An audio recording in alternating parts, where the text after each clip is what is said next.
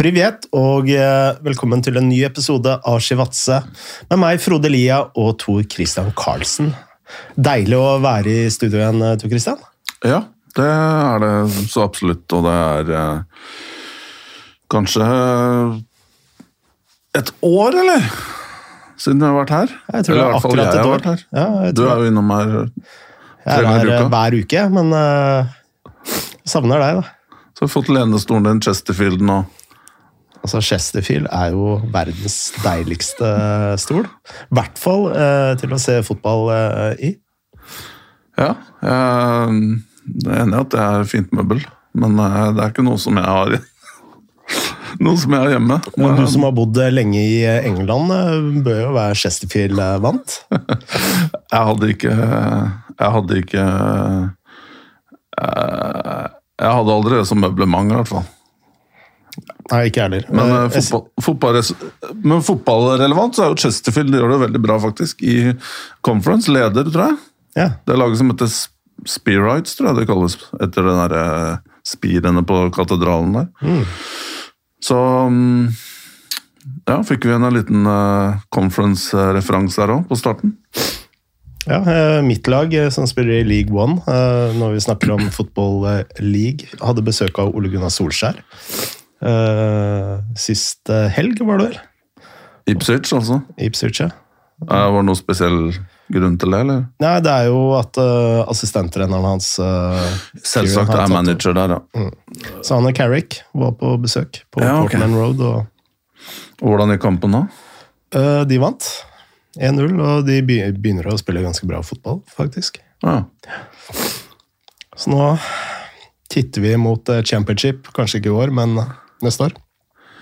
Ja, dere har også fått dere, for vi som er Det er jo noe av det verste man kan gjøre, er å si vi og dere om lag, men uh, vi sier det, vi.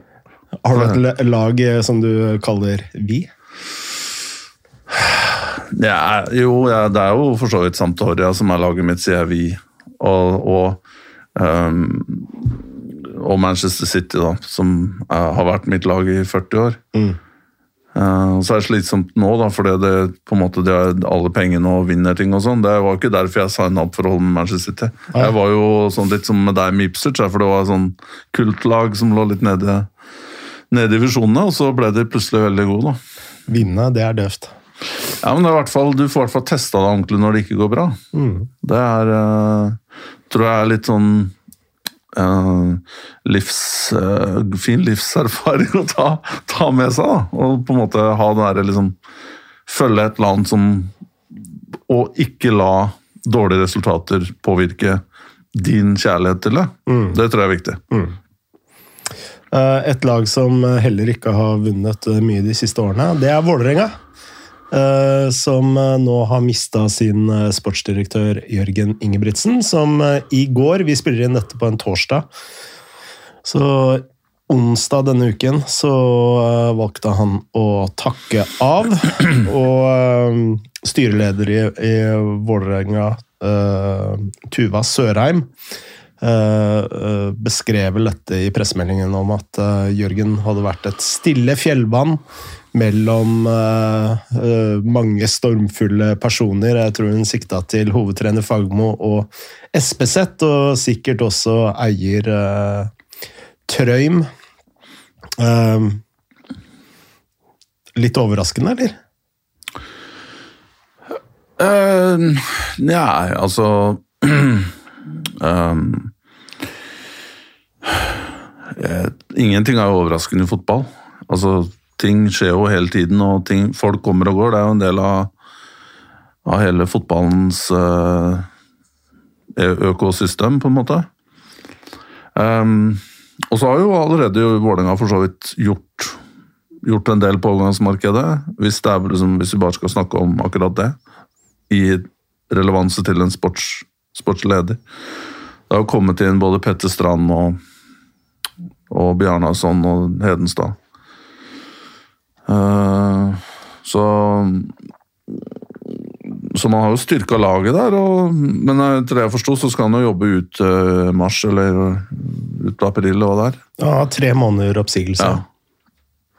Um, Men kanskje hvis man ser sånne store, store sammenhenger Det det er jo en del ting som jeg tenkte vi kunne komme litt inn på her òg, når det gjelder Vålerenga. Akkurat det med sportsdirektør og den modellen der. Og vi har også vært inne på det i tidligere um, utgaver.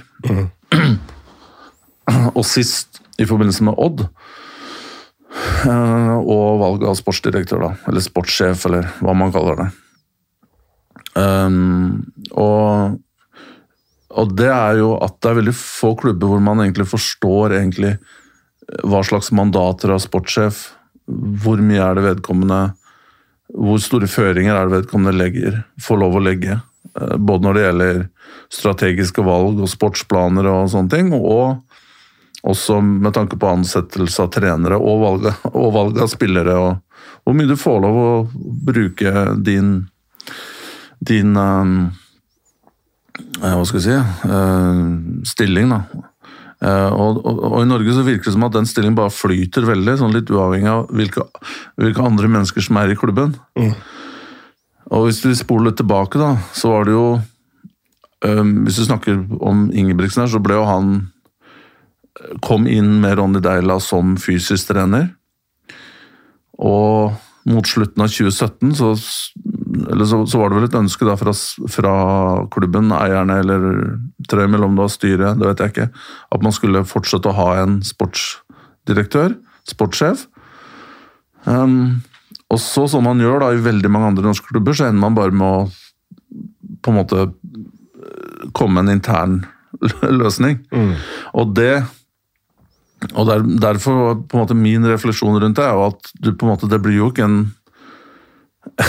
det, blir jo ikke en på en måte sterk rolle når en fysisk trener som på en måte har jobbet med Deila i Strømsgodset først, eh, muligens eh, og, og muligens til Celtic, det er jeg usikker på, men han har i hvert fall vært sammen med Deila tidligere. og og kommer til Vålerenga som fysisk trener, og så blir han utnevnt som sportssjef. For det er et stort eh, sprang eh, fra å gå fra å være under en i hierarkiet og plutselig skal, i hvert fall i teorien, da, hoppe forbi.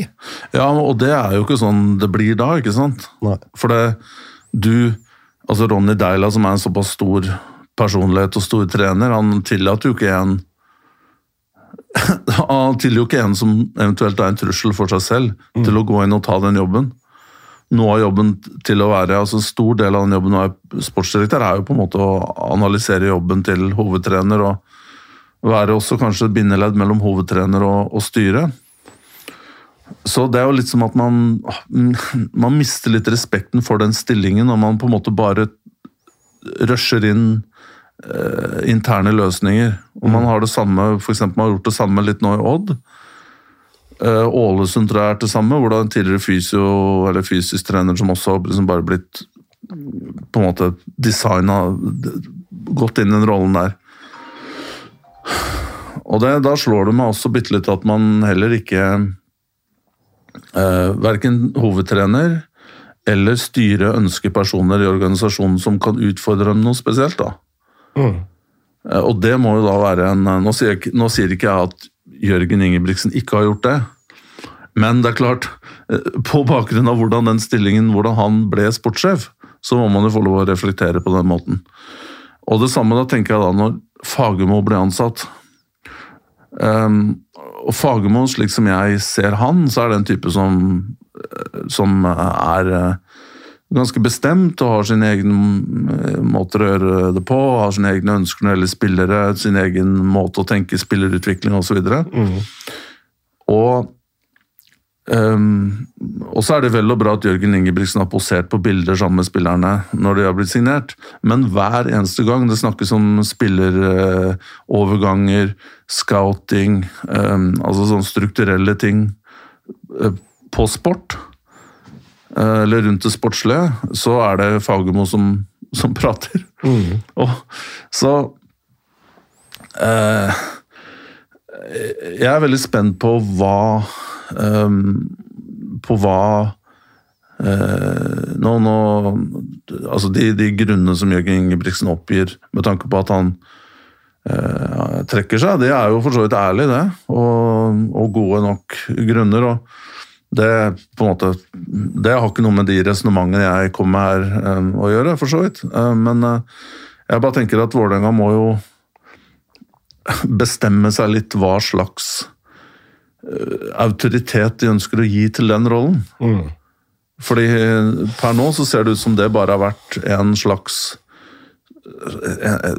koordinatorjobb rundt A-laget. Ja, og det gjelder jo kanskje ikke bare i Vålerenga, men eh, det gjelder jo nå i flere klubber. Og det å bare være en koordinator og ikke få en medbestemmelsesrett, det er jo ikke noe som er mer demotiverende enn akkurat det.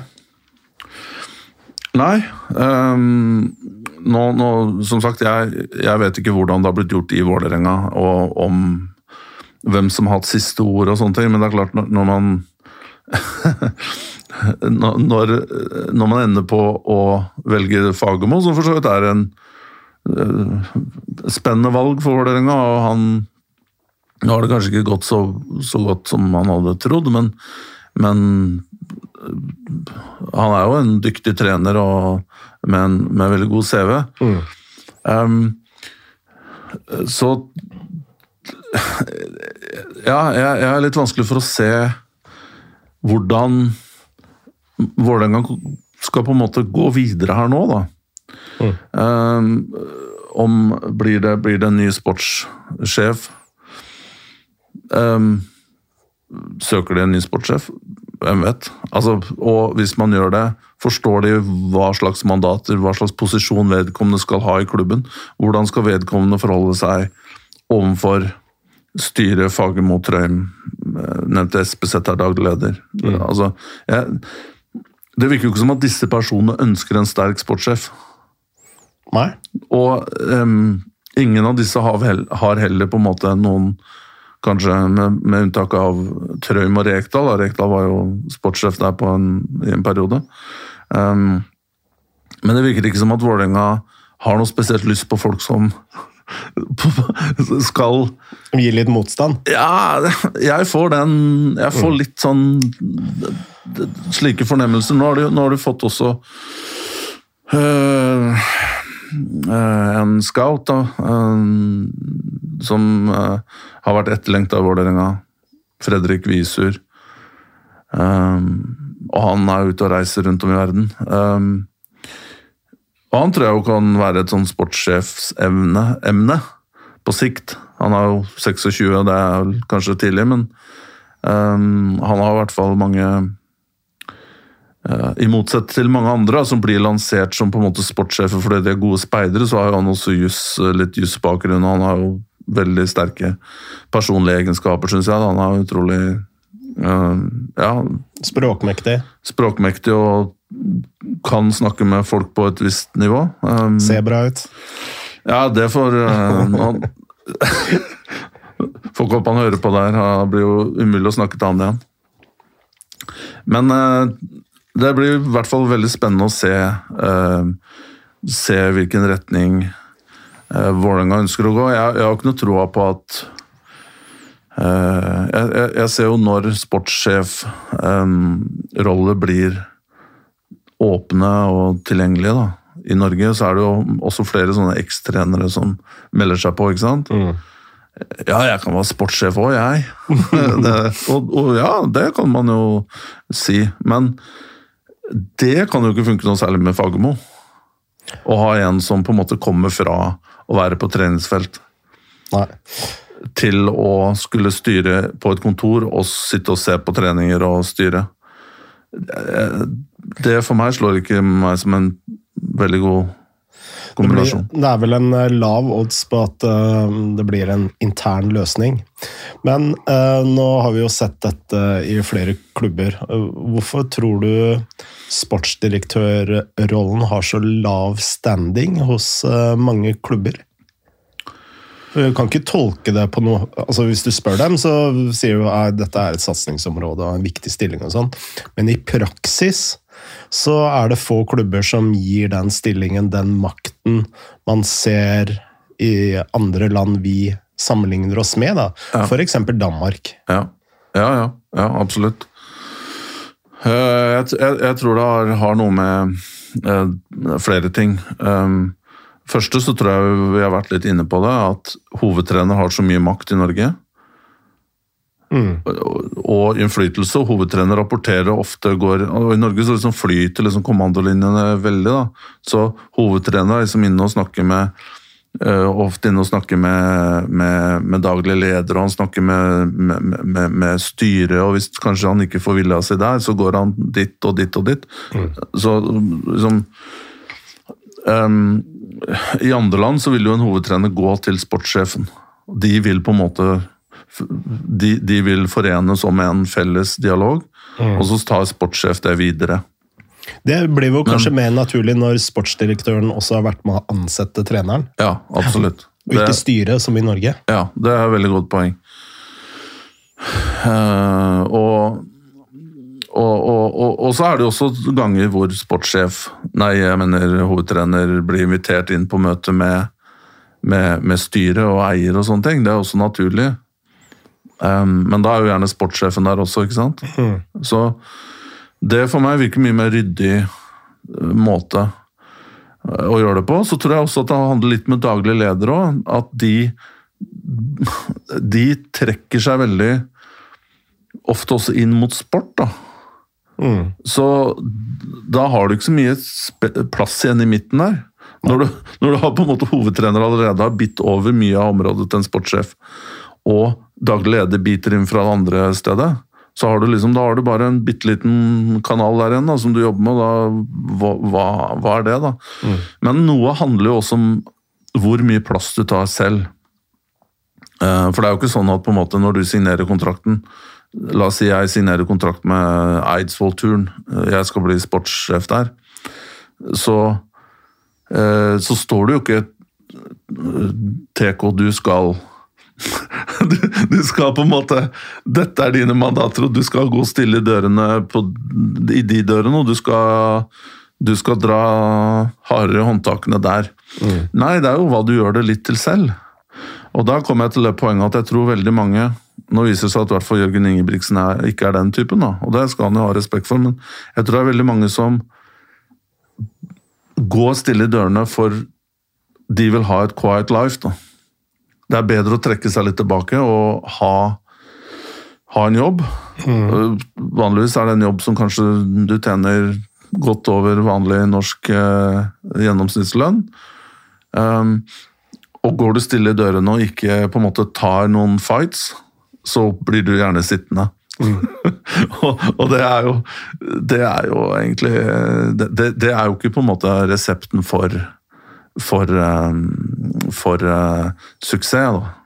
Uh, og, og, det er jo et annet poeng her at desto mer plass du tar, og mer du er i media, og mer du tør å si, desto lenger ned på den hoggestabben legger du også hodet. da. Mm. Hvis det ikke går bra, for da kommer de etter deg, ikke sant. Um, Omverdenen. Men det er kanskje noe jeg savner litt, da, mens bare siste poeng her om Vålerenga. Det er kanskje noe jeg savner bitte ikke bare bitte litt, noe jeg savner veldig mye om Vålerenga. Det er egentlig tilstedeværelse. Fagermo gir noen gode intervjuer nå da. Til annet ser i VG, og han som, som jeg syns er noen gode feature-artikler. er Spennende å lese. Um, og han er litt frampå. Uh, og, og, han er jo ganske morsom, da syns jeg, sånn i media. Mm. Uh, og, og, for så vidt eh, litt sarkastisk og sånn, og det, det, det, det, er jo bra. Men eh, det på en måte begrenser seg jo litt til uh, Til sekvenser rundt kamper og uh, kanskje hvis det har skjedd noen kontroversielle ting på, i en kamp. Men jeg savner litt mer tilstedeværelse fra Vålerenga en synlighet i mm. media. media jeg, jeg, hører ingenting eh, Jeg hører ingenting fra andre enn Fagermo, jeg. Og jo, jeg hører mer av um, Amundsen um, Ansari, han ser jeg, markedssjefen. Ja. Både på LinkedIn og jeg ser han på Twitter. og Jeg syns han er utrolig dyktig og flink til å kommunisere, og han representerer Vålerenga på en veldig fin måte. Mm. Men jeg ser jo på en måte ikke andre. Det er, dette er, skal være Norges største klubb Ja, han er framme i skoa, men jeg skjønner Ja, men på, på en positiv måte. Det er ikke sånn at han soler seg glansen eller på en måte bare er der når man vinner eller er ute liksom er baja. Så jeg synes han har saklig og fin fremtoning og virker som som jeg sier, god representant overfor samarbeidspartnere og, og fans og hele klubben. Jeg ville ha hatt litt mer av det fra, også fra klubbens side. Fra, fra ledere. Jeg, jeg, jeg har ikke sett mye til Jørgen Ingebrigtsen, bortsett fra når man signerer spiller. Jeg har ikke sett mye til SPZ lenger. Eh, Jeg ser ingen fra styret, bortsett fra hvis det er noen årsmøter og sånne ting. Og så ser jeg Fagermo nå og da, noen ganger i VG, og det er interessant. Men ellers så ser jeg jo ingenting. Jeg vil i hvert fall ønske meg mer fra klubben, og tenkte, tenker jeg var kanskje det med den sportsdirektørrollen, at kanskje man kunne få inn en profil som kan på en måte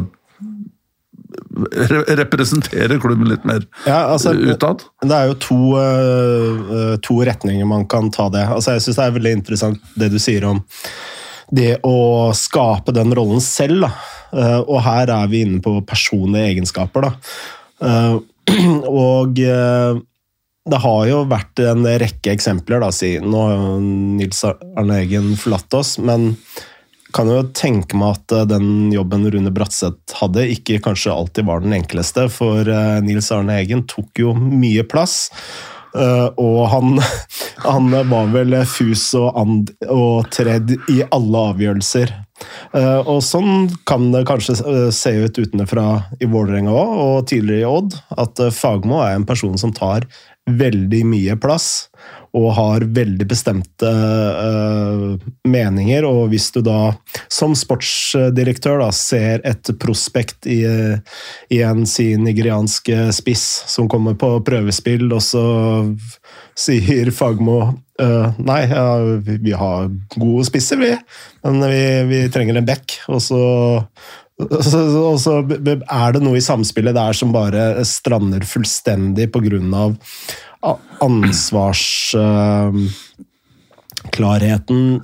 Om ikke er uklar, da, så er eh, maktforholdet såpass skeivt at eh, man kommer seg på en måte ikke videre enn eh, hovedtrenerens bestemte meninger i alt og alt som har med spillerekruttering å gjøre, da.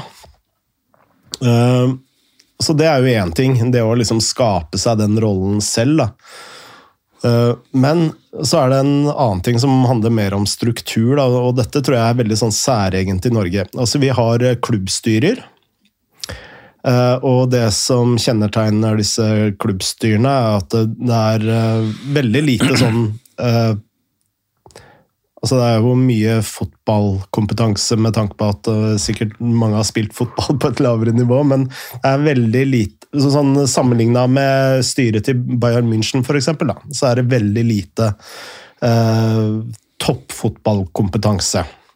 Og uh, jeg tror ikke bare nordmenn, men skandinaver for så vidt er veldig sånn utstyrt at vi hører på eksperter. da? Og det ser du jo under pandemien. Det er jo ingen andre land som, eh, som eh, forsvarer ekspertisen i så høy grad som vi har gjort her i Norge. da. Vi er aktive på kommentarfelt, da. Ja, vi er Der er vi verdensmestere. ja, ja, men altså, det er ikke som i USA. uh, satt på spissen, da. Og det er jo for så vidt bra, kanskje. Da. Ja. Eh, Og sånn eh, tenker jeg det også er i, i fotballen, at eh, styrene sier at det, nei, det er hovedtrener som har den ekspertisen, så vi hører på ham. Men likevel så eh, har eh, fotballstyrene rundt omkring veldig, veldig stramme rammer for bevegelsesfrihetene til en sportsdirektør og hovedtrener. Eh, som jeg tenker eh, Nå tenker jeg ikke på økonomiske rammer og sånt, men f.eks. sammensetningen i en tropp. da. Altså Du skal ha så og så mange spillere fra eget akademi, du skal så og så mange klubbspillere. Så kan du eh, krydre stallen med to-tre utenlandske spillere osv. Um, og eh, jeg sier ikke at det nødvendigvis er en dårlig ting eller en Uh, og i visse tilfeller så er man jo inne på, på spillestil også. Og da begynner man å bli veldig konkrete, tenker jeg. Og dette er jo en ting som er veldig sånn Veldig norskt. Og det er jo også med å minimere respekten for en sportsdirektør. Det virker som man, man uh, gjør alt man kan da, for, å, for, å, minske makta og bevegelsesfriheten til en sportsdirektør, da, som bør være den med det overordna sportslige ansvaret. Ja. Um, ja, absolutt. Um,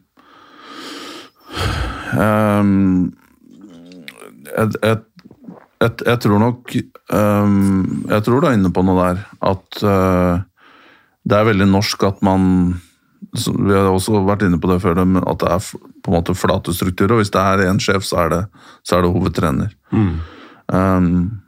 Og jeg skal også si at i Norge så er vi, selv om vi er flinke til å samarbeide, Uh, og vi gjør på en måte Vi er også diligent. Da. Vi, vi, gjør det vi på en måte får beskjed om, eller står i, i kontrakten, men vi gjør ikke noe mer. Stort sett. Da er det å gå hjem, eller på hytta.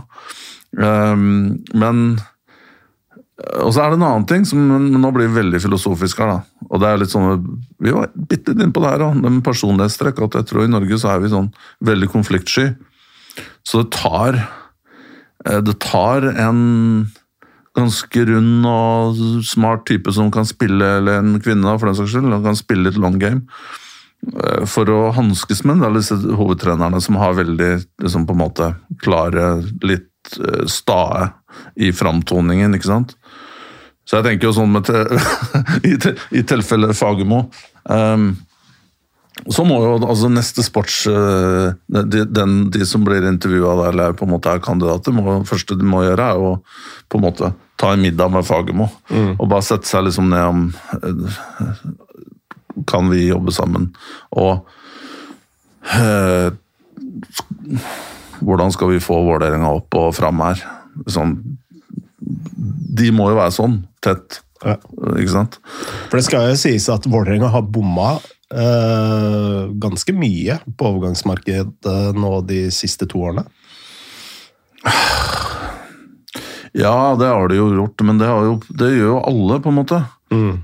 Ja, og så sier man ja, Bodø og Glimt Vi kan jo også bare ta den, det sporet her, avsporinga her. Det eneste som ser ut til å lykkes, er jo på en måte liksom Molde og Bodø og Glimt. Hvorfor? Jo, fordi de har så satt De har en kultur, og de har De jobber for at på en måte har kommet seg opp til toppen og har prinsipper som de jobber ut fra, da er det ikke like vanskelig å hive inn uh, spillere til å passe inn. Vi, kan, vi har snakka om dette her masse masse tidligere, så hvis dere syns dette blir overflatet, så får vi bare spole tilbake. Men um, jeg tenker jo at flere av de spillerne altså Lajoni var jo suksess i Bodø-Glimt var det ikke i Vålerenga. Altså, det, betyr ikke at Lojoni er en dårlig spiller fordi han ikke lykkes der. Han har kanskje ikke hatt de riktige forutsetningene. Og det har vært flere innom i Vålerenga, det er flere innom i Rosenborg, og det er flere innom både opp og ned kysten, Brann og Viking og Start. og uh, som liksom har vært gode fotballspillere og lykkes andre steder, men av en eller annen grunn så har man ikke klart å få det til der.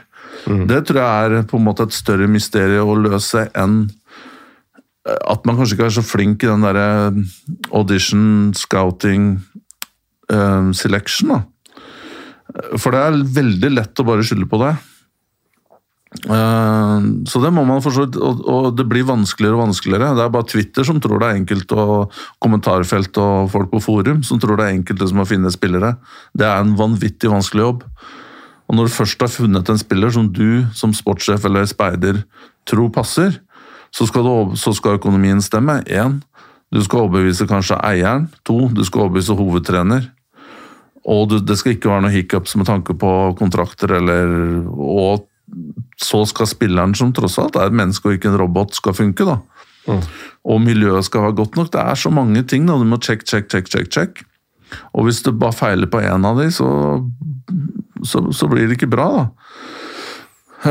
Så jeg vil ikke si at jeg, jeg vil jo ikke tro at Eh, jeg jeg syns ikke Vålerenga har noe større issues akkurat på det feltet der enn andre sammenlignbare, selv om på en måte kanskje de har endt opp to og tre plasseringer under en, det man burde ha, eh, ha vært, kanskje medalje.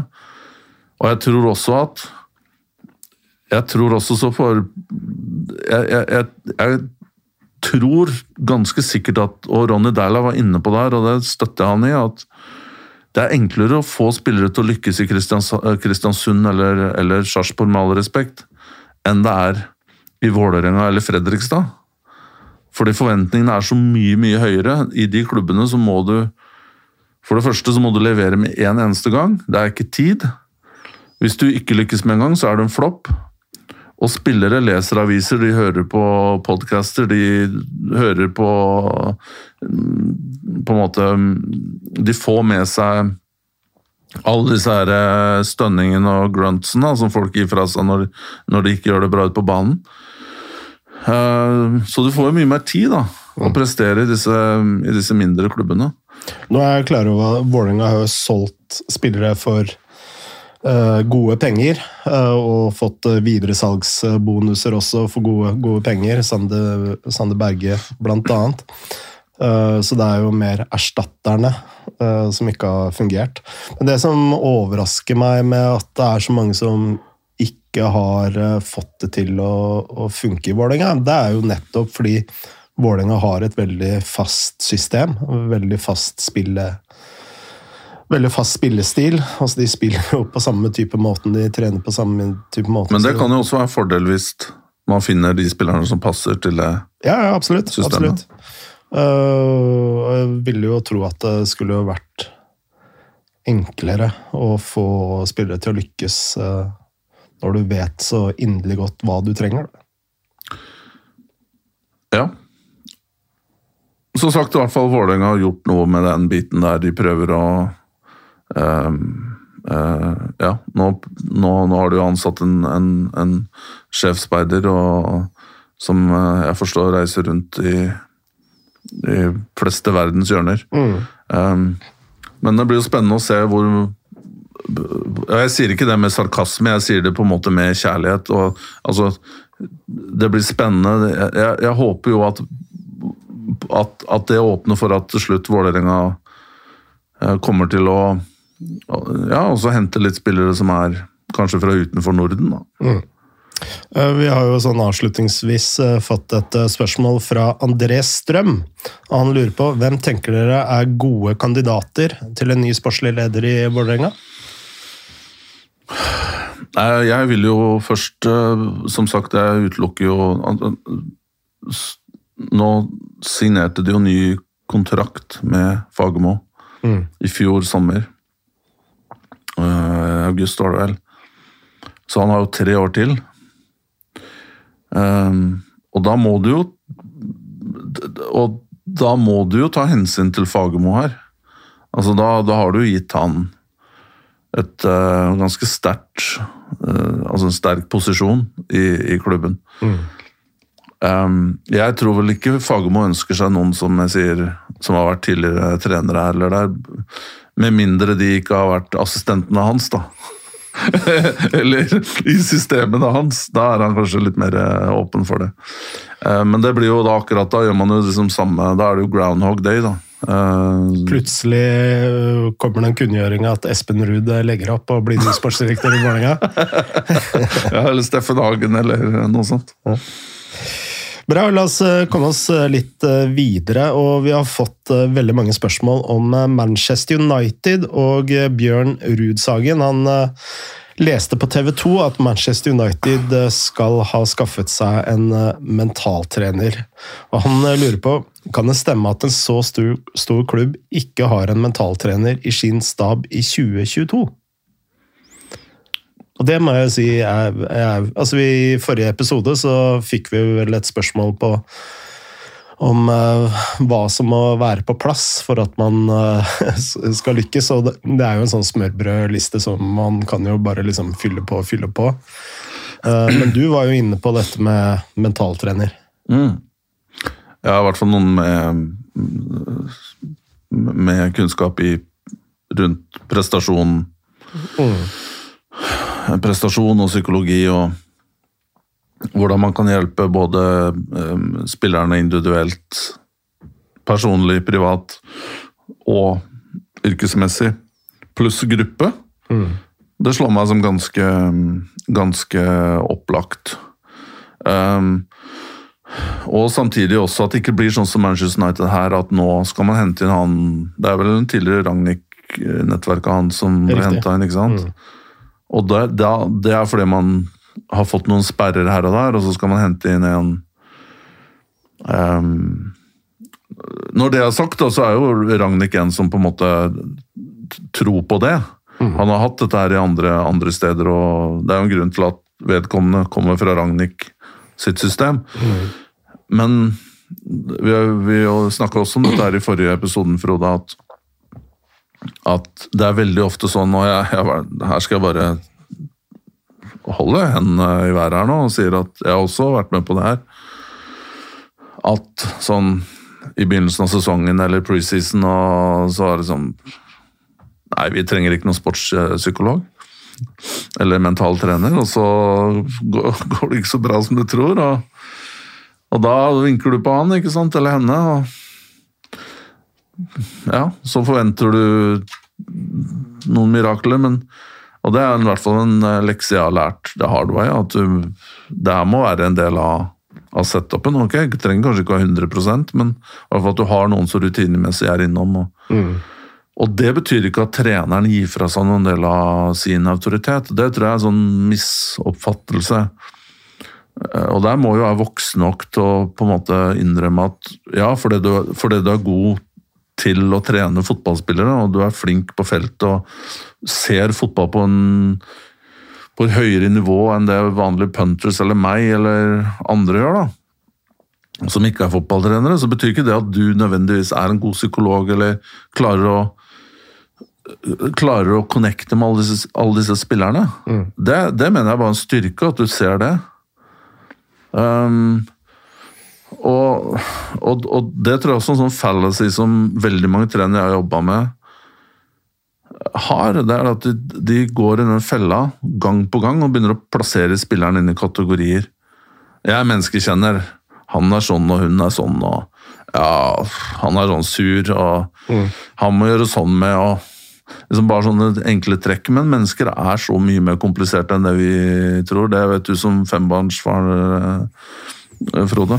Absolutt. Og så øh, det er jo som du sier øh, Dette er jo mennesker og ikke roboter. Og jeg tenker jo fra sånne holistiske en holistisk tilnærming til det, når man leser om hvor utbredt uh, uh, Altså de som sliter med, med sin mentale helse da, i toppfotball, egentlig er så handler det jo om også å gjøre menneskene bedre, som igjen gjør dem til bedre fotballspillere. Så det handler kanskje ikke om uh, alltid å Det handler kanskje rett og slett å få øh, mennesker til å fungere i hverdagen på en helt annen måte. Da. For det er jo veldig mange toppidrettsutøvere som øh, sliter i det stille.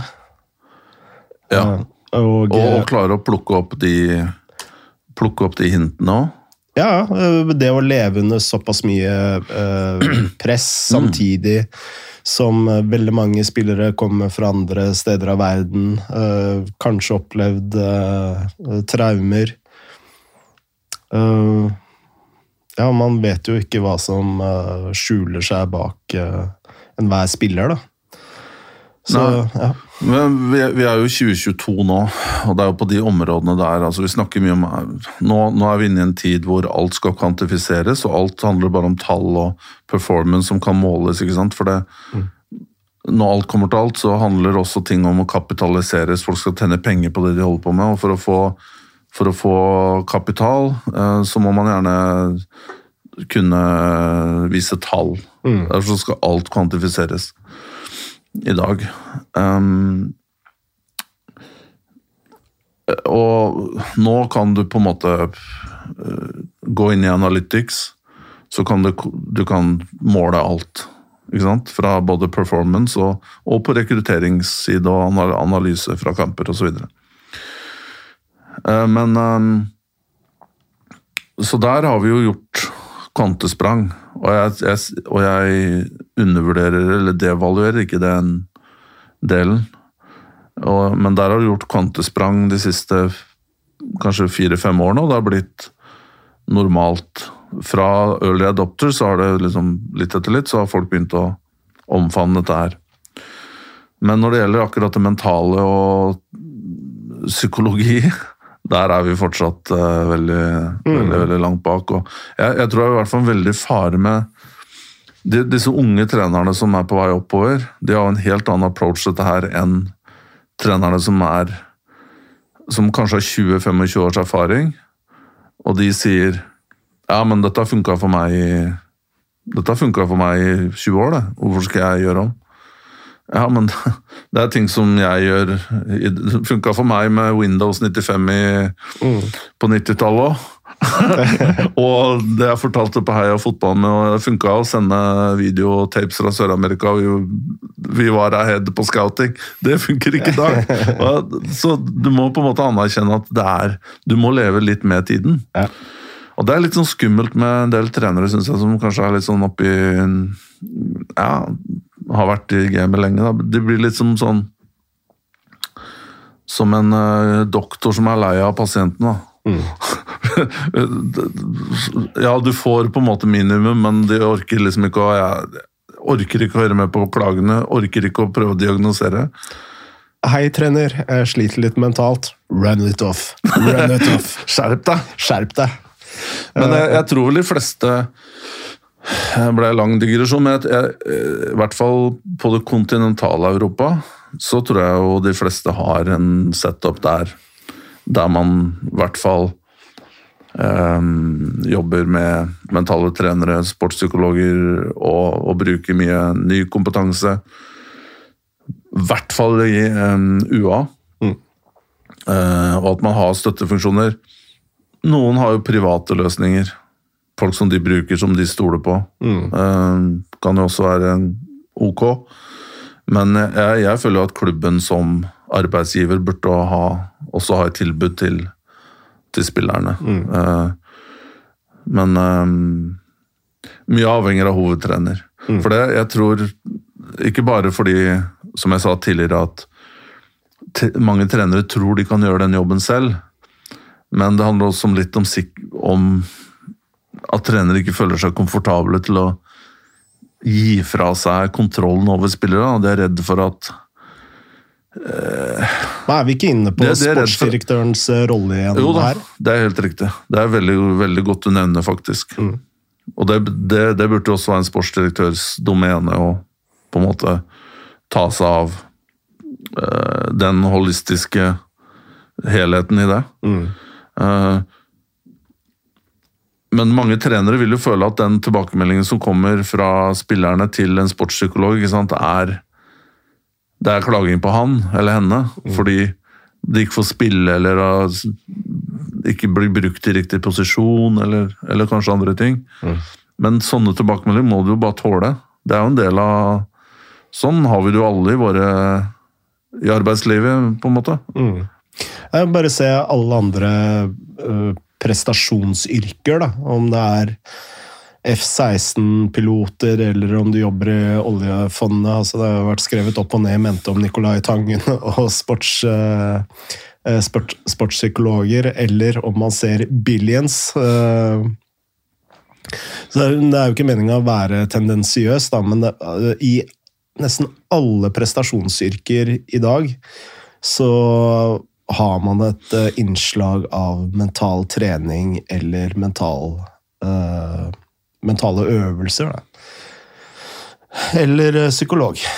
Så eh, Men her er man inne på pengebruk igjen, kanskje. Mm. at man skal spa, spare på alt, og så ser man ikke oppsiden på noe som ikke kan tallfestes. Da. Eh, Nei, helt riktig. Og, men jeg er overbevist om hvis du, hvis du klarer å finne en god balanse på alt dette her Ikke billions eller oljefondet, kanskje, som er for hippie, da. Hvis, ok, i mangel på hipster, da. Altså, det er liksom for mye av det gode, kanskje. Uh, synes jeg, da. Men um, Og det har blitt veldig sånn Silicon Valley og liksom skal ha en som gir tøffe tilbakemeldinger og har løsning på alt. Kald dusj og meditasjon og Ja, og isbad og pusteteknikker. Um, vi, vi, trenger på en måte ikke å gå dit, men hvis vi klarer å finne en, en fin kombinasjon der uh, og, og, her er det også viktig å finne en person som passer godt inn i teamet. I to-tre episoder siden så snakka vi litt om HR-funksjonen, hvor vi hadde i start Morten Djupvik. Mm. Han var perfekt fordi han hadde de personlige egenskapene. Han var så sosialt intelligent at han skjønte liksom akkurat timingen på ting. Når skal jeg gå på det? Når skal jeg gå inn på det? Uh, og leste folk som en åpen bok. Eh, visste ikke fighter han skulle ta, og når han kunne bidra, når han ikke kunne bidra. Det er også viktig å ta en riktig person her som ikke blir for teoretisk og for faglig kanskje anlagt. Um, så hvis du finner en person som passer inn i teamet, som bygger god relasjon til både ja, selvsagt sportssjef, viktig hovedtrener og, og spillerne, og vedkommende får den tryggheten til å bruke sin kompetanse, så er jeg jo overbevist om at vedkommende vil jo ikke bare betale sin egen lønn, altså finansiere sin egen lønn, vil jo finansiere den tenfold. Mm. Du vil jo få så Om vedkommende, han eller henne, får 4-5 mer ut av disse spillerne, som jeg er overbevist om at man kan gjøre, så er det jo å klare å identifisere de små tingene som gjør at noen blokker her og der som gjør at man ikke Noen grep um, ikke bare grep, jeg skal ikke simplisere det, altså, men at man klarer å lage gode programmer til de forskjellige spillerne som passer, passer dem å være en, være en, ressurs, da. Så er det absolutt ikke det et Unnskyld. Det, det, er garantert ikke et tapsprosjekt. Mm. Uh, vi har også fått et eh, spørsmål fra Magnus Fjell, og han eh, lurer på hva er årsaken til skepsisen til Ragnhild? Eh, personlig er jeg enormt imponert over hans tanker rundt det å bygge klubb, og her tror jeg han vil påvirke United i en mye mer profesjonell retning. Hans jobb som trener i seks måneder handler kun om å ta noen tøffe valg og lære de å presse. Jeg håper det er mer enn det. Nei, altså, ja. min var jo kanskje jeg som var mest skeptisk, eh, selv om vi var veldig skeptiske begge to min skepsis eh, handler jo om hans resultater som hovedtrener tidligere. Og jeg har jo fulgt eh, Bundesliga og følger Bundesliga ganske tett. Det er jo en av mine favorittligaer. Eh, og jeg har aldri egentlig vært så veldig imponert over hans jobb som hovedtrener. Og altså, han fikk jo Øh, gode resultater med RB Leipzig, men det var jo ikke sånn halleluja heller. Øh, men han øh, slo meg også som en veldig kantete person. Og jeg var veldig usikker på hvordan han skulle takle en spillertropp som Manchester United, som virker veldig krevende, bedagelige, pluss store stjerner og da spesielt eh, Cristiano eh, Ronaldo.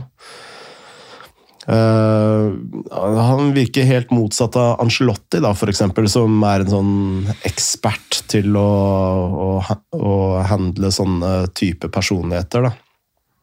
Og når vi snakka om sportsdirektører uh, tidligere Italia er jo sportsdirektørens mekka. Tenk deg de egoene av hovedtrenere de må handle. Og det gjør jo disse italienske sportsdirektørene enda mer eh, imponerende, fordi de klarer å sette sitt stempel tross eh, Fagermo eh, ganger tre, liksom. Eller fire eller fem.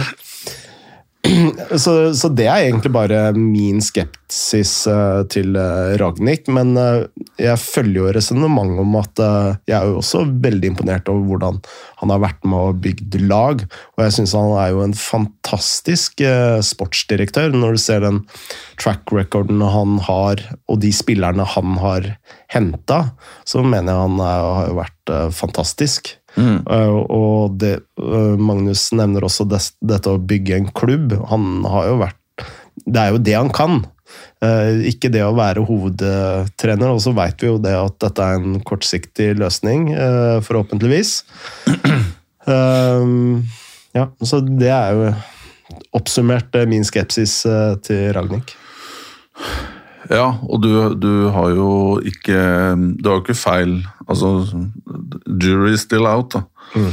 Um, og man får jo sånn Nå har det roa seg bitte litt fordi man slo Brighton med, med, som spilte med ti mann i, i halvtime. Mm. Uh, og Brighton var egentlig beste laget opp til det punktet. Ja, de nærmest kjørte over United. Ja, og, men sånn er fotballen, og det, det, det, er, det er helt utrolig at vi eh, kan komme tilbake til en annen episode, for det kan vi snakke mye om. Men i fotball så er alt handler om momentum. Altså, Hvis du ikke har momentum, så er alt feil. Mm. Så du kan gjøre alt riktig. Du kan følge på en måte best practice, du kan ha rolig og harmonisk. Hvis du taper tre kamper, så tror supportere, media Da er det liksom eh, vepsebol. Mm. Fordi du taper. Mm. Og for meg så er det en helt idiotisk måte å tenke på. Eh, og, og det blir bare sånn derre sammenrøre som supporter og media klarer liksom å Man hører noe der, og man hører noe der, og man hører noe der.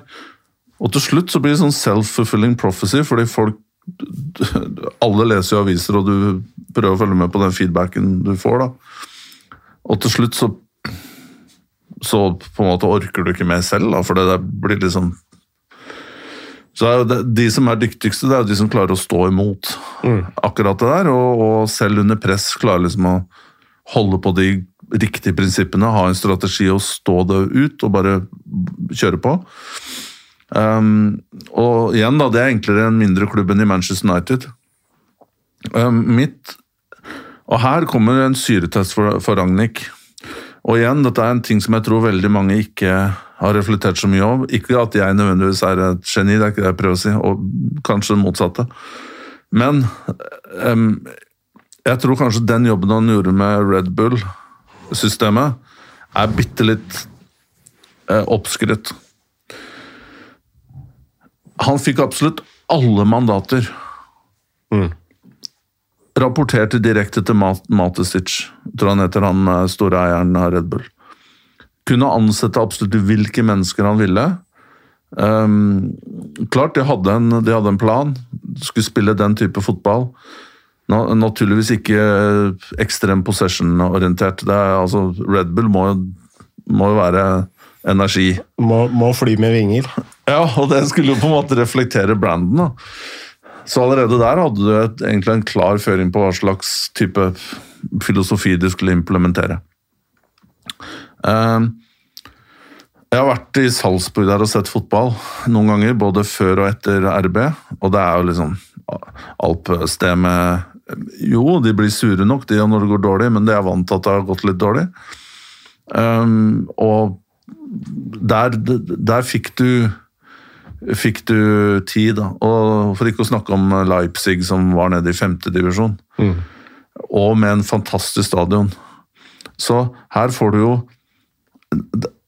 i Manchester United Her bygger du jo toget, du bygger stasjonen, du bygger eh, banen og linjene. Dette er Sim City. Mm. Det er noe annet enn å hoppe på altså Det er Sim City kontra å gå inn i Hvite hus da Trump sitter der. Mm. altså, og så skal du begynne å ordne.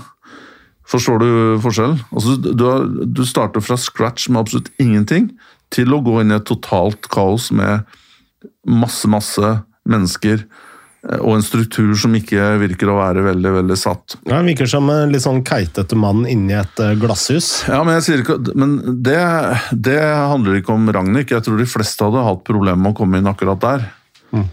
Um, og jeg, jeg har troa på han, det har jeg sagt også tidligere her i Chivatse. Og jeg, jeg, jeg har troa på han, de tankene han har, og Ragnhild som strateg. Men her kommer mitt store problem her, at hva, hva er han henta for? Og Magnus, var det det? Var litt inne på det. altså Utad så blir det sett på som at han har blitt henta inn fordi lagene hans presser høyt og aggressive og spiller med mye energi. Og han er flink til å hente spillere til et helt annet nivå enn Manchester United, by the way. Eh, eller er han hentet inn for å være en strateg, rådgiver for Glazers, få lov å bygge ting, jobbe i bak i kulissene? Jeg, jeg sier ikke at det nødvendigvis ikke At man ikke kan ha to tanker i hodet her, og at det trenger å være en konflikt, der, men problemet er at nå, det man er i ferd med å gjøre, da La oss si man skal ende på femte- eller sjetteplass, eller man ikke kommer seg langt i, i Europa. Så har man jo børna Ragnhild. Da nytter det ikke for han, sånn, sånn funker det i de store klubbene. Da nytter det ikke for Ragnhild å si ja, men nå skal han ta to år og legge strategi for Manchester United. Da blir det sånn pff, Han skal legge strategi! Han klarte jo ikke å For da blir han dømt på de resultatene som trener. Det blir overført til han som strateg. Så jeg mener jo de har gjort det her på en helt feil måte. Det de burde gjort, hente Ragnhild med en gang, gi ham mandatene, rapportere direkte til Glazers, gi ham fri, frie tøyler, men i samme moment hente en, en trener. Eh, Som Ragnhild er med på å ansette, selvsagt. Man, man må skille de to tingene, for det han er i ferd med nå, det er at han blir dratt Det ene ødelegger nå for det han har kommet inn for å gjøre. da. Det er min Ja, sånn eh, re retrospekt, så Så virker det som en sånn feilvurdering å sparke Ole Gunnar. eh, Da de gjorde det, på en måte. Eh, Det var liksom ikke Altså Det er vanskelig å, å endre ting akkurat da. Heller bare latt det gå ut eh, Altså, man rykker jo ikke ned. Eh, Ja, men de, de tapte mot uh, Liverpool 7-1, eller var det 6-1, eller hva var det? Ja. 5-0, jeg, jeg glemte. Det var så Manchester City de hadde jo ikke ballen, ble tapte 2-0. Paul Trafford ble lekt med. Det kunne jo ikke fortsette. Og den, det Solskjær-prosjektet hadde jo på en måte run, run its course, da. Jo, ja, men det, altså når du er klar over du skal endre kurs, da, så er det jo som du sier at for at eh, den nye kursen skal kunne sette fart, eh, så må du jo liksom eh, gjøre litt enten en, Nå er det en mellomløsning, da. Ikke sant? Og, og, Ja, og- og, og, Ragnhild er på vei til å liksom bli dratt ned i det. Altså 1-1 mot Southampton, liksom. Ikke er, eh, er rekke, ikke bare at det er en rekke dårlige resultater, men de spiller jo helt forferdelig. Mm. Så det, og det er mye murring. eh, Ingen er fornøyd. Men, det, men det, det jeg, jeg er enig med deg, og, men det eneste løsningen jeg kan se her og fordi noe av problemet og dynamikken i fotball, og det må vi alle akseptere uansett på en måte eh, Det er at noen til hver tid skal kunne kastes under bussen. Mm. Nå er det Ragnhild. Ikke sant? Mm. Eh, Og det er den feilen du gjør, mener jeg. fordi at de grepene Ragnhild eventuelt tar, som er gode, og som vil gi langsiktige resultater, de, de kommer ikke i løpet av noen uker eller noen måneder. De kan man måle i løpet av et par år. Um, og derfor så er jeg redd for at nå blir han eh, i en rolle som egentlig ikke er ideell for han. Han har ikke, som du var inne på, Frode, han har ikke meritter fra en tilsvarende rolle. Jobbe med tils, tilsvarende spillere, jobbe i England.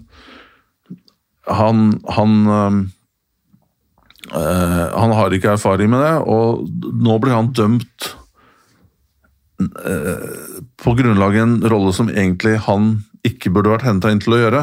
Mm. Så det man, som jeg sier da, i, i mitt hode, Ragnhild, å lage sånn firewall rundt han Han er vår mann, og ikke bullshit med to år konsulent og tull og tøys. Gi ham mandater. Kall det managing director, sånn som Tottenham har gjort med Paratici. Managing director sport. Han, er, han styrer det. Han er nummer én der. Ikke noen tvil om det er Fletcher eller han andre. jeg husker ikke navnet på. John Murtog. Ja, altså Han er sjefen der, og la han få jobbe nå i, i, i par-tre år. Og så har du en hovedtrener som kan kastes under bussen hvis nødvendig. Det sier jo mye at eh, vi, man sliter med å finne navnet til eh, fotballdirektøren i, eller sportsdirektøren i en av verdens største klubber. Ja, det, det sier jo nesten alt. Ja, men det handler jo også om, som vi var inne på tidligere, om å eie rollen. Mm. Hvis du får en, den type rolle, så må du også på en måte stå for noe og Mm. vise overfor verden at du er handlingen At du har et eller annet øh, En eller annen rolle som du utøver i verdens største klubb. Eh, la oss eh, komme oss eh, litt videre. Vi begynner å gå tom for tid her i studio, men det er flere som spør om den nye utlånsregelen. Hva tror dere konsekvensene av de nye utlånsreglene blir? Får vi se enda flere salg med en tilbakekjøpsklausul? Unge spillere tvinger, tvinger gjennom overganger, eller kommer klubbene til å gi flere spillere muligheter? Spør Jørn Henland. Ja, er det Er det åtte eller ni spillere kun Ja. du kan låne ut? Mm. Eller på noe sånt. Jeg bare, jeg bare leste om det da det ble offentliggjort for noen uker siden. Um, det er jo lignende det man har i Norge, tror jeg, som det er seks eller sju, eller? Um, hvor det er maks.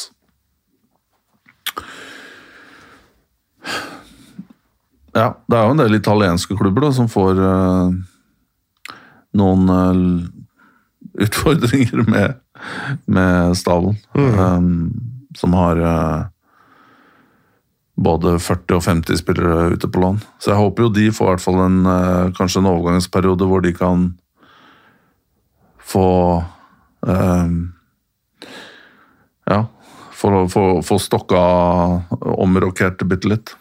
Eh, seks spillere eh, fra 22-23-sesongen er det. Så det har gått fra åtte Ja. eh, i eh, 2021, og så er det syv da i 21-22, og så seks da spillere inn og ut i 22-23. Ja. Mm. Nei, hvis du snakker på altså i Norge, så det er ikke noe poeng å ta den samtalen, for det, der har vi allerede de reglene på plass. Mm. Og det um, funker vel um, ok. Um, jeg tenker i Premier League så er det jo selvsagt det Chelsea-konseptet med, med å ha spillere rundt Mm. uh, på lån. Det blir jo vanskeligere. Mm. du kan kanskje Det kan hjelpe til litt med f.eks. Manchester City, som har dette, disse nettverkene sine med, med satellittklubber. De har jo allerede gama det systemet litt. da. Mm. For jeg vet ikke City Football Group, om det er sju-åtte klubber nå som er affiliated, eller eid av samme institusjon, holdt jeg på å si. ja. Og så er det fire-fem partnerklubber. Og de kan jo i prinsippet da liksom bare um, Ja, rotere spillere mellom, mellom seg. Um, der har jo de en enorm stor fordel. Mm. Men eh, Nei, resultatet blir vel at Kanskje at det blir en større satsing på denne reserveligaen, Mm. U23-lag eh, og sånne ting. Mm. Um, og så er det kanskje litt bittersweet, da, men det blir jo Jeg vil jo tro det blir færre transaksjoner, blir færre kjøp. Uh, blir færre kjøp av spillere på vei opp fra akademier. Kanskje litt lavere ned. Mm. Um, der drypper det jo tross alt litt på klokkeren eh, i dag. Mm. Men på den annen side så blir kanskje klubbene, de store klubbene kaster kanskje ikke ut så store nett som de har gjort hittil ved at de stockpiler, da. Sånn som de har gjort tidligere. At de henter liksom store volum fordi de kan leie dem ut Eh, Det er egentlig bare sånne løse tanker her. Jeg vet ikke hva du, du har noe føyd til her? Nei, jeg tenker jo øh, dette med stockpiling. Altså det er, ser man jo allerede nå, er jo litt sånn på vei ned. Nå har vel hun øh, Marina i Chelsea også sagt at de kommer til å justere kursen deres øh, øh, litt fremover, øh, med tanke på akkurat det der. Eh, eh, Vi må avslutte snart, men vi har fått et spørsmål om barnefotball. Det er jo din ekspertise, Tor Christian. Ja. Eh, Men jeg syns det var veldig interessant, fordi eh, barne- og ungdomsfotballen er jo i veldig endring. Eh, Mye pga. akademiklassifiseringen som norsk toppfotball har fått gjennom. Eh, og nå kommer det et nytt strategidokument som også tar for seg barnefotballen. Og jeg jobber jo som kjent med barnefotballen. eh, og elsker jo det. Eh, og vi har fått et spørsmål, og vedkommende som er Jeg veit ikke hvor eh, vedkommende er fra. Mm -hmm. Altså hvor i landet. Eh, men han eh, ville heller ikke ha navnet sitt opplest. Eh, Men han spør Hei, jeg har spørsmål rundt eh, barnefotball, hospitering og topping. Vi har en ti år gammel eh, gutt i huset som spiller fotball.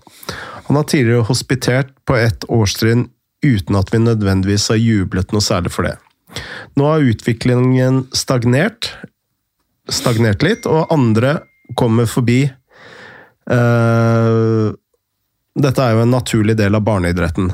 Det er veldig demotiverende for et barn å føle på selektering, og, og interessen har dalt veldig for flere av de dette gjelder. Samtidig har trenerne begynt med inndeling av trening etter ferdigheter. De som er på det høyeste ferdighetsnivå, kan få ekstra oppfølging og behandling. Og være med på elitetreningskamper med miks av spillere fra lag over og under hans årskull. Vi prøver å informere klubb og trenere om at lek og glede forsvinner når det blir så seriøst i en tidlig alder. Dette blir bare avfeid og argumentert med at de ikke driver med den slags selektering og topp topping, selv om dette er observert og påpekt til stadighet av foreldre. Har dere noen tanker rundt dette? Vi er vel gar garantert ikke alene om denne problemstillingen. Jeg ønsker ikke å få mye Ja. Og dette er vel eh, den eh, mest debatterte problemstillingene i barne- og ungdomsidretten. Eh, For det gjelder ikke bare fotballen. Altså Jeg har barn som spiller håndball, og du ser det akkurat det samme her. Eh, Og det man ser er eh, resultatet når spillerne blir 14, 15 og 16 år. Det er et enormt frafall. Eh, Og litt av problemet med uh, et så stort frafall som man har i idretten, da, Uh, det er jo at det, Og dette er ikke bare et anekdotisk bevis som jeg har sett selv, men, øh, og dette har man jo veldig store tall på etter hvert også. Og det er jo at man ser veldig sjelden når barna er 9, 10, 11, 12 år, hvem som kommer til å bli den neste toppspilleren. Altså. Det er eh, nærmest umulig. Man tror man er ekstremt flinke på å se det, mm. men, eh, men eh, det er helt umulig. Og det har slått meg så mange ganger at når du starter i januar de spillerne som er de beste, plutselig er Blir aldri de dårligste, men eh, de liksom går ned to og tre hakk, og så er kanskje de som er på mellomnivået, de som er de aller, aller beste påfølgende januar. Sånn er det ut og inn uh, hvert eneste år. Altså. Det er nærmest umulig å, å si. Og hvis jeg skal eh, nevne én suksessfaktor da, eh, for at eh, eh, Altså, for de som lykkes da i toppfotballen. Og så er jo ikke sikkert at det bør være vårt mål i Norge. At uh, man ensidig ser på de som lykkes i toppfotballen.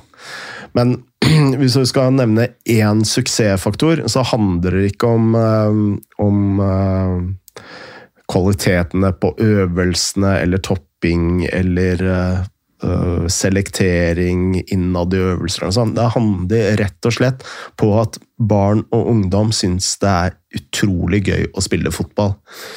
Hvis uh, barna og ungdommene gleder seg til neste trening, og gleder seg til treninga etter der, det er liksom den aller, aller viktigste uh, moment, momentet. Altså, Moa for eksempel, da, er et godt eksempel på det.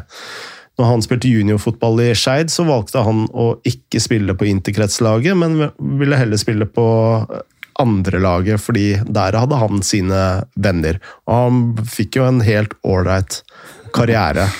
Men det skal sies at uh, den veien der er mye vanskeligere i dag. Uh, fordi det han uh, sier om dette med selektering og topping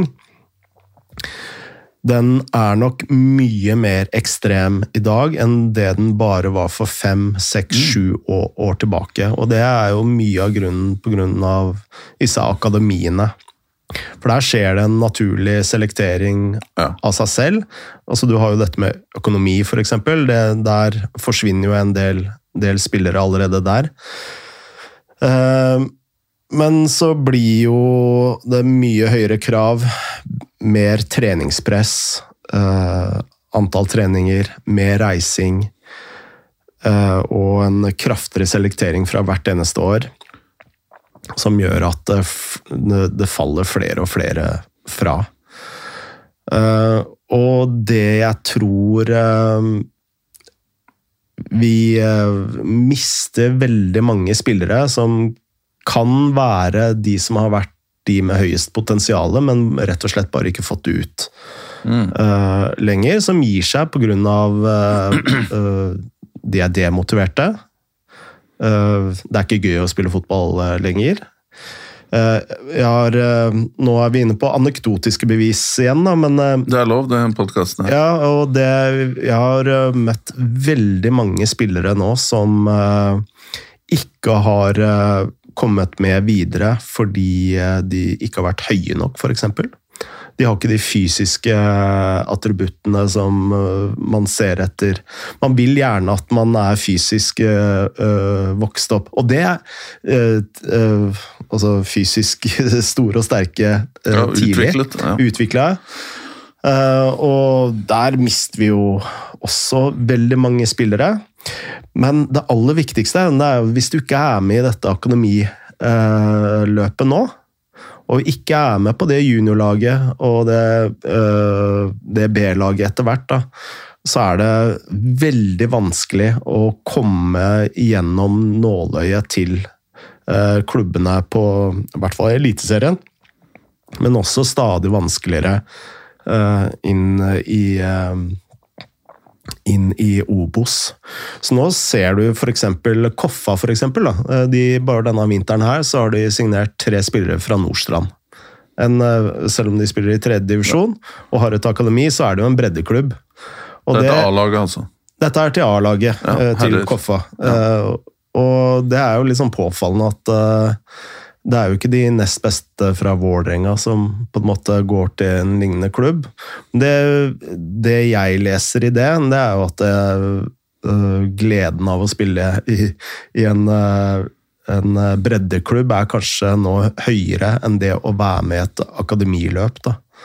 Vil ikke Jørgen Isnes ikke glad hvis han hører du omtaler KFM som breddeklubb? Nei, jeg mente Nordstrand, ikke ah, okay, KFM. Okay. Ja, ja. Eh, men han eh, sier også noe om eh, dette med hospitering. Selv om KFM også er en fantastisk breddeklubb, da, skal sies. Bare sånn. Ja. ja, ja, absolutt. Absolutt. Men så har du også dette med hospitering. Og dette er også velkjent problematikk, at du tar barn oppover i, eh, i Mhm. aldersklassene, og så møter de stagnasjon og fordi de opplever ikke samme grad av mestring og, og sånt. Og her har jeg vært eh, det jeg har plukka opp uh, litt fra utlandet, som overrasker meg litt. Fra Nederland og Spania, ikke minst. Og de har en sånn Det var en som fortalte meg annet om en slags sånn 20 %-regel. At du skal spille 20 eh, av treningene eller kampene på nivå og over det du klarer å mestre, og 20% under av det du mestrer, altså der du virkelig herjer. Og resten av 80% av tiden skal du da spille på eget aldersnivå. Eh, Så sant du ikke er et vanvittig talent som Messi, for eksempel. Da. Og eh, akkurat det der med at du skal også spille 20 eh, på det, nivået hvor du virkelig herjer, det tror jeg veldig mange glemmer. At du liksom bare er oppover hele tiden, og så glemmer du liksom å, å titte litt nedover òg, og tenke på mestringen. da. Ja. Og det har jo alt å si uh, for barn og ungdom. Det er å føle mestring. Uh, det er eh, Altså, du kan ha treninger hvor du bare trener på det samme så lenge barna føler en, en eller annen form for mestring. Det er alfa og omega. Um, så tror jeg vi er i ferd med å gå inn i en litt sånn blindgate, at vi ser oss litt sånn blind på hva de gjør i Argentina, hva de gjør i Tyskland, hva de gjør i Frankrike, og hva de gjør i, i Spania. Eh, Men vi i Norge, vi, eh, vi har helt andre forutsetninger. Mm. Helt andre forutsetninger, fordi vi er, vi er så få. Eh, Så vi trenger å, å ha et større antall spillere opp til de er 18-19 år, enn det vi er i ferd med å få nå. For nå er frafallet øker og øker og øker. Av at det blir mer og mer spissa. Og ja, eh, akademiene fungerer. Altså, de produserer eh, spillere. Eh, men vi, jeg tror vi kunne ha produsert enda, enda mer hvis vi hadde fått opp et høyere antall med spillere. Også fra ulike geografiske områder som blir eh, ekskludert eh, pga. økonomi eller geografi osv. Uh, og så er det en siste ting. da. Nå, sorry, denne ranten her. Nei, nei, det er bare veldig Eh, interessant. Men nå som eh, man eh, begynner å spytte masse penger inn i ungdomsfotballen, så er det veldig mange som argumenterer for at eh, ja, men se på det, disse uh, akademiene og akademiklassifiseringene fungerer.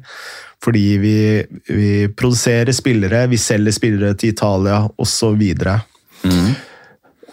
Men da må man se litt hva er det som fungerer. da? Er det pga. Uh, toppingen, er det pga. selekteringen, eller er det fordi man har spytta inn mer penger inn i ungdomsfotballen enn man noensinne har gjort tidligere? Ikke sant? Man putter veldig mange årsaker uh, inn i den uh, suksesshatten uten at man veit hva som egentlig forårsaker den suksessen. Mm. Så um, det er eh, mitt take, så mitt råd til eh, denne forelderen, det er å sette ned foten. eh, få barnet ditt til å spille på samme årskull. Si at han eh, spiller med ti, hvis han er ti år, spill med tiåringene. Få tilbake gleden, få tilbake gleden av å spille fotball. Og glem alle tanker om, om Pjotten skal bli eliteseriespiller i Brann eller Rosenborg, det, det kommer fort nok eh, når du kommer opp i en viss alder. Ja, fordi det det, det er Som du eh, resonnerte her, det er, jo- det er ikke bare smart logistikk eh, og disponering av, av spillere opp igjennom som har ført til at man eh, man får frem spillere. Det er mange veier til Rom her. Ja, og, og det dummeste argumentet som jeg hørte mm, et år tilbake, det var jo argumentet om at Braut Haaland er jo et eksempel på at akademifotballen fungerer. En kar som har spilt i en eh, nærmest breddeklubb uh, fram til han blei 15-16 år. Så Så ja, det er mange veier til rom, og barn og ungdom er, er skjøre og, og har masse potensial, bare det får liksom eh, satt i riktig sammenheng, da. Og, og vite det at eh, barn vokser på ulike, ulike tidsakser. Mm. Uh, og i hvert fall ikke drive og, ekskludere barn som er eh, kortvokste og ikke har de fysiske attributtene. Eh, akkurat i dag så er jeg usikker på om Iniesta og Savi hadde liksom klart å komme gjennom eh, akademisystemet i Norge. Ja. Det syns jeg er kloke ord, eh, Frode. Nå banker du på døra her. Ja, det er, det er på tide å takke for oss, da. Det gjør du så fint alltid, så jeg overlater til deg. Ja. Da sier vi som vi alltid sier her, privet og das svedanja. Moderne media.